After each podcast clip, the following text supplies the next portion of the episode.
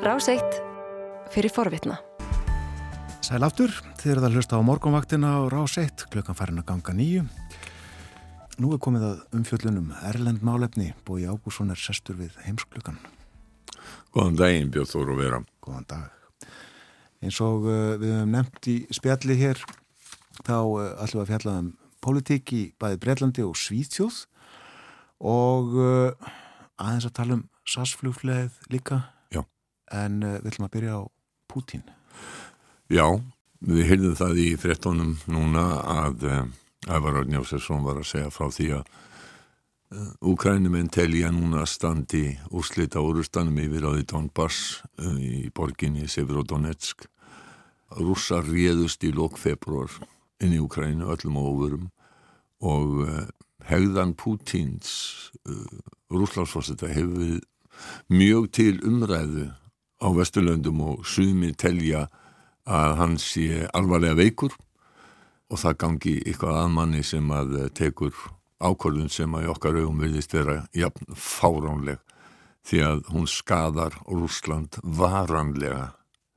Hún hefur að sjálfsögðu valdið gríðarlegu mannfalli tjóni orði vitnað hrottalegum strískleipum.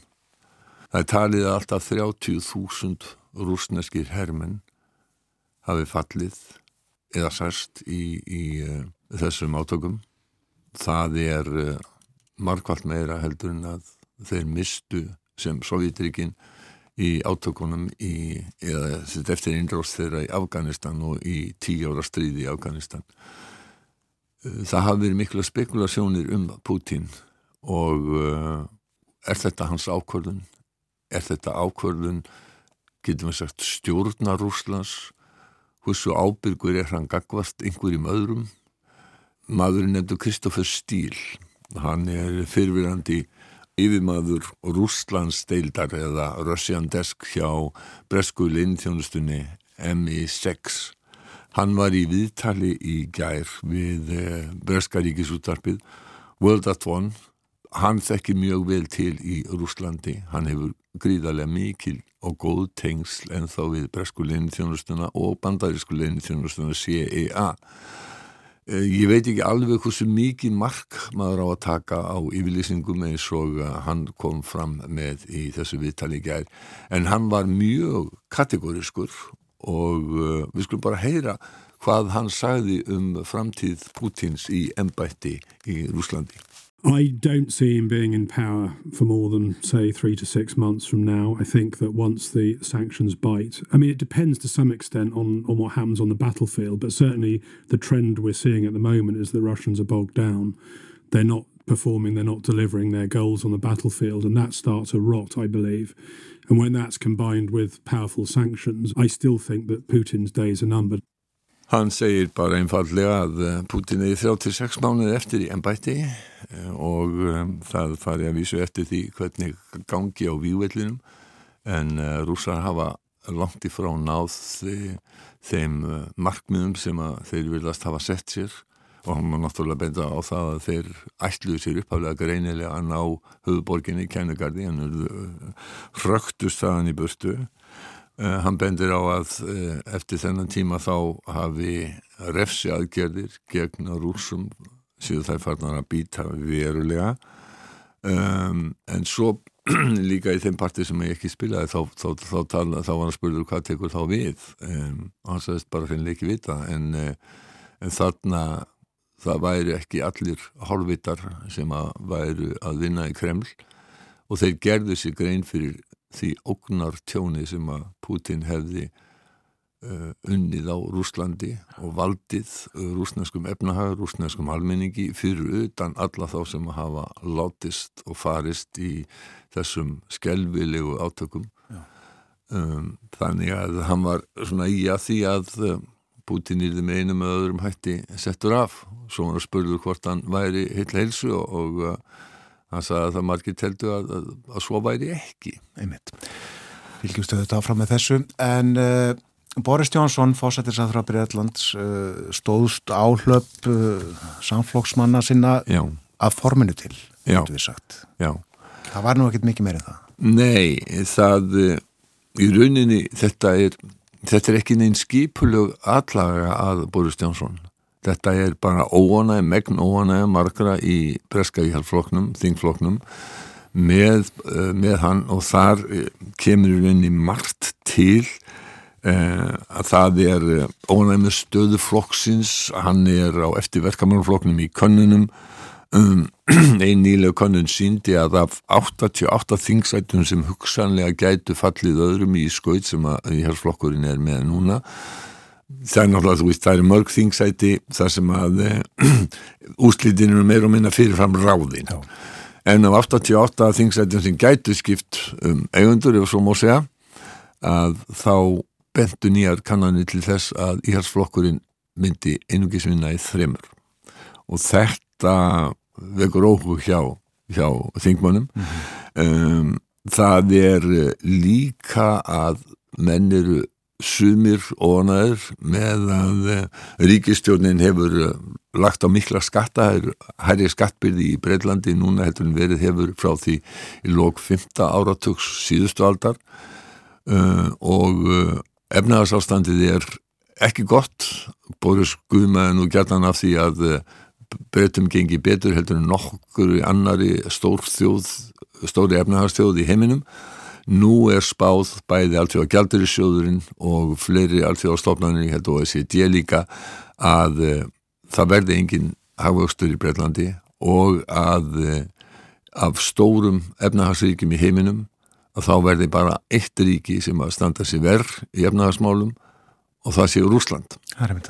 Uh, þetta og svo eru það þeir sem að bara einfaldi að hann fengi nóg á honum af siðfyrirslegum ástæðum og þá hann náttúrulega vísaði partygeit og þann anda sem að ríkt hefur í dáningstræti tíu uh, þeim finnst það hafa verið sko, róki og uh, öll og, og sumir hafa vísaði það sko að á 2001. öldinni þá sé ekki hægt að stjórna eins og þetta sé einn maður sem að ráði öllu Um, þannig að og, og svo eru svo eru sumir já sumir er þess að hægri menn vilja lækka skatta sumir sem eru nær miðjunni þeir, þeim finnst uh, Bóris ekki hafa tekið nægilega mikið á þeim vandamálu sem hrjá breskan almenning og vilja meiri útgjöld.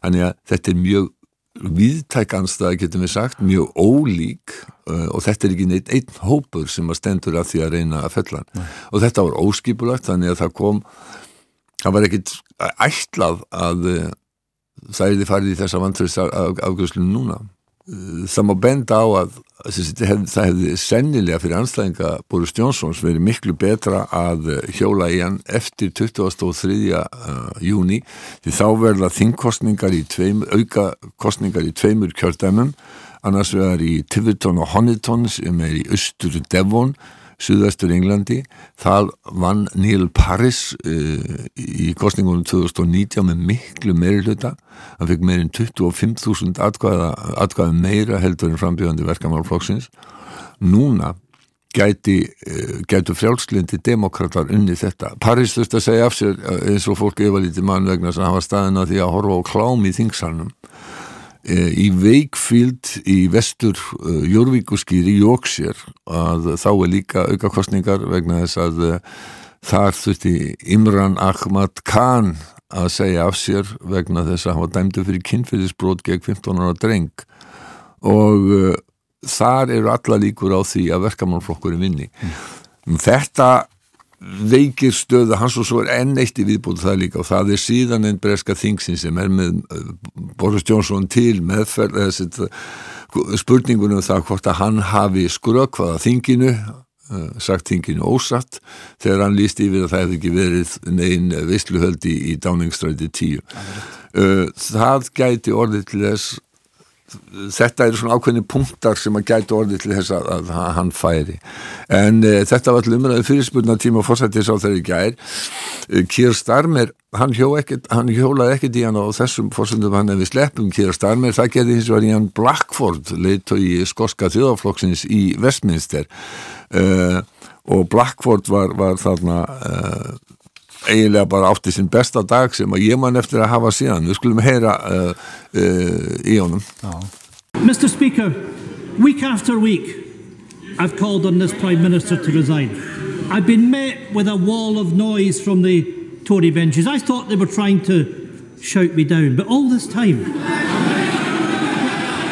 but all this time, Mr. Speaker, it turns out that 41% of them have been cheering me on.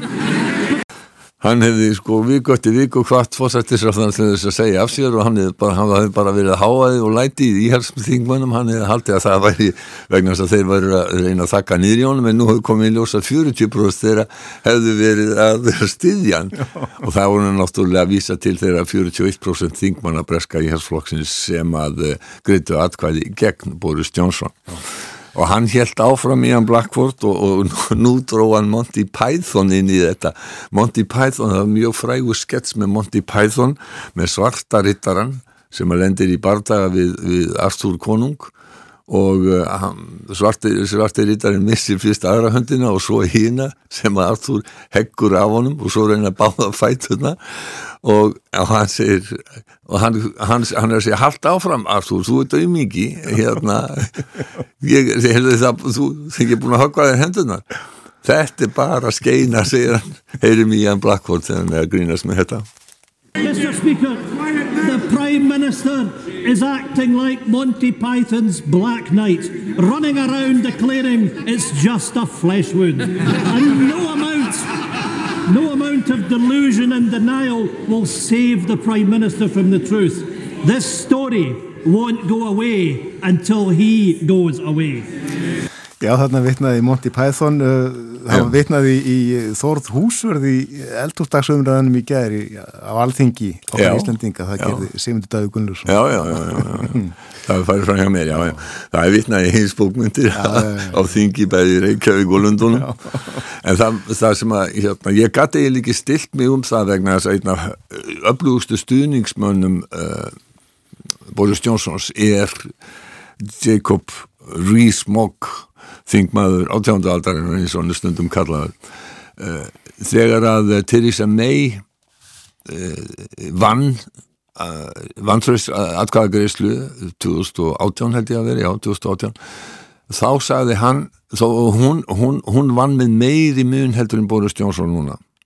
Þá sagði hérna, þá sagði Jacob Rees-Mogg að yngva síður að hún ætti að segja af sér vegna þess að, að hérna, hún hefði ekki hérna, stuðning, það verið það stór hluti þingflokksinn sem hefði hérna, snúist gegnin. Nú skulum aðeins heyra Jacob Rees-Mogg uh, frá árunum 2018. If a Prime Minister cannot get her business through the House of Commons and then discovers that the overwhelming majority of her bank benchers, of her non-paid backers, have voted against her, she clearly doesn't have confidence of the House of Commons, she should make way for somebody who does.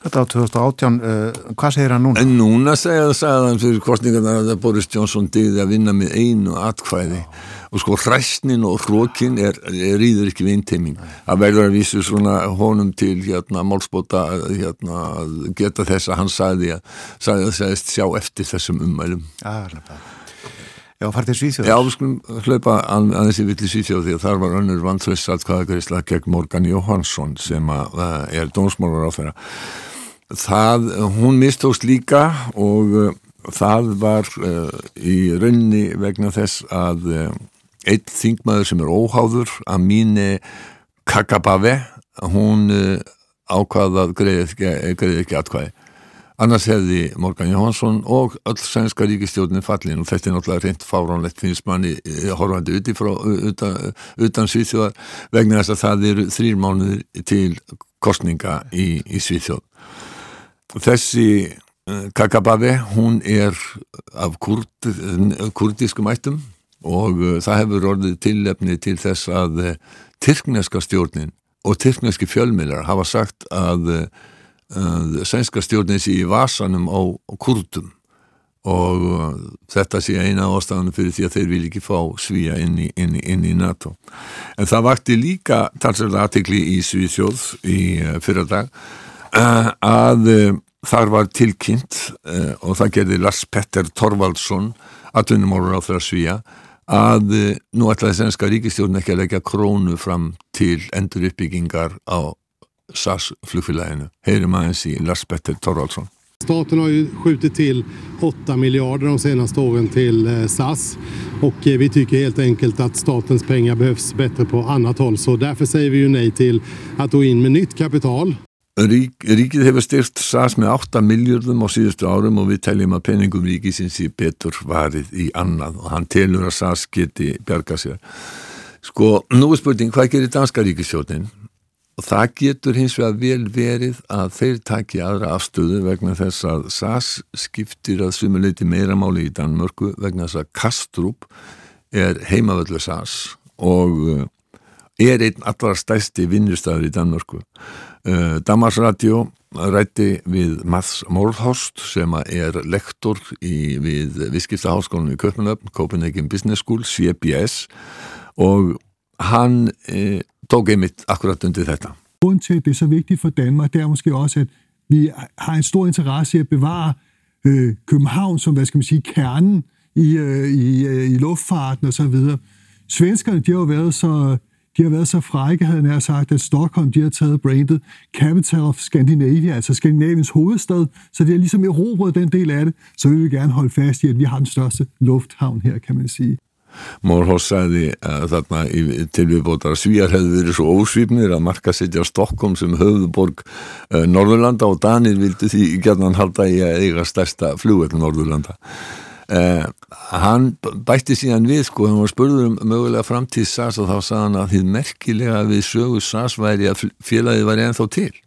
Það hefði lífað af samkeppni við lágjaldaflugfélög frá því á nýjenda áratug síðustaldar, hefði gengið í gegnum heimsfaraldurinn og krísa eftir krísa eftir krísu hefði félagið hefði lífað það af. Það finnst hún stórskosslegt. Ég syns faktisk, det er det mest fantastiske ved í den her historien, det er det SAS. Det har været i stand til at eksistere så lang tid, efter så meget pres. De har været igennem hele bølgen med lavprisselskaber, der allerede kom frem i 80'erne og 90'erne, corona, krise på krise på krise på krise. Så det der den, den, den, den egentlig fantastiske historie, det er, at de har overlevet så lang tid. Krise på krise på krise på krise. Já, nákvæmlega. En eins og eh, kannski með átti eh, skilja þess að hann vildi ekkit sérstaklega tala mikið um það hvort að félagið ætti einhverja framtíð. Talaði um það að það veri bara merkild að veri lífandi ennþá.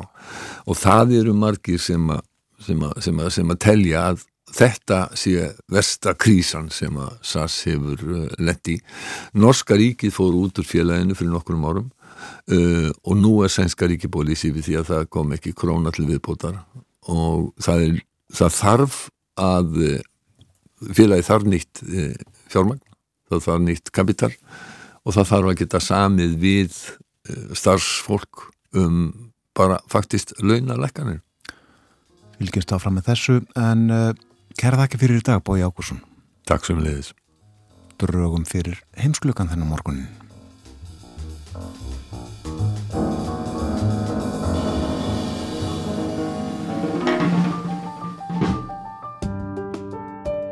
Þú varst að hlusta á hlaðvarpsþátt frá Rás 1. Ef þið langar til að heyra meira, farðu þá á rúf.is skástrygg hlaðvarp eða spilaran á rúf.is skástrygg útvarp.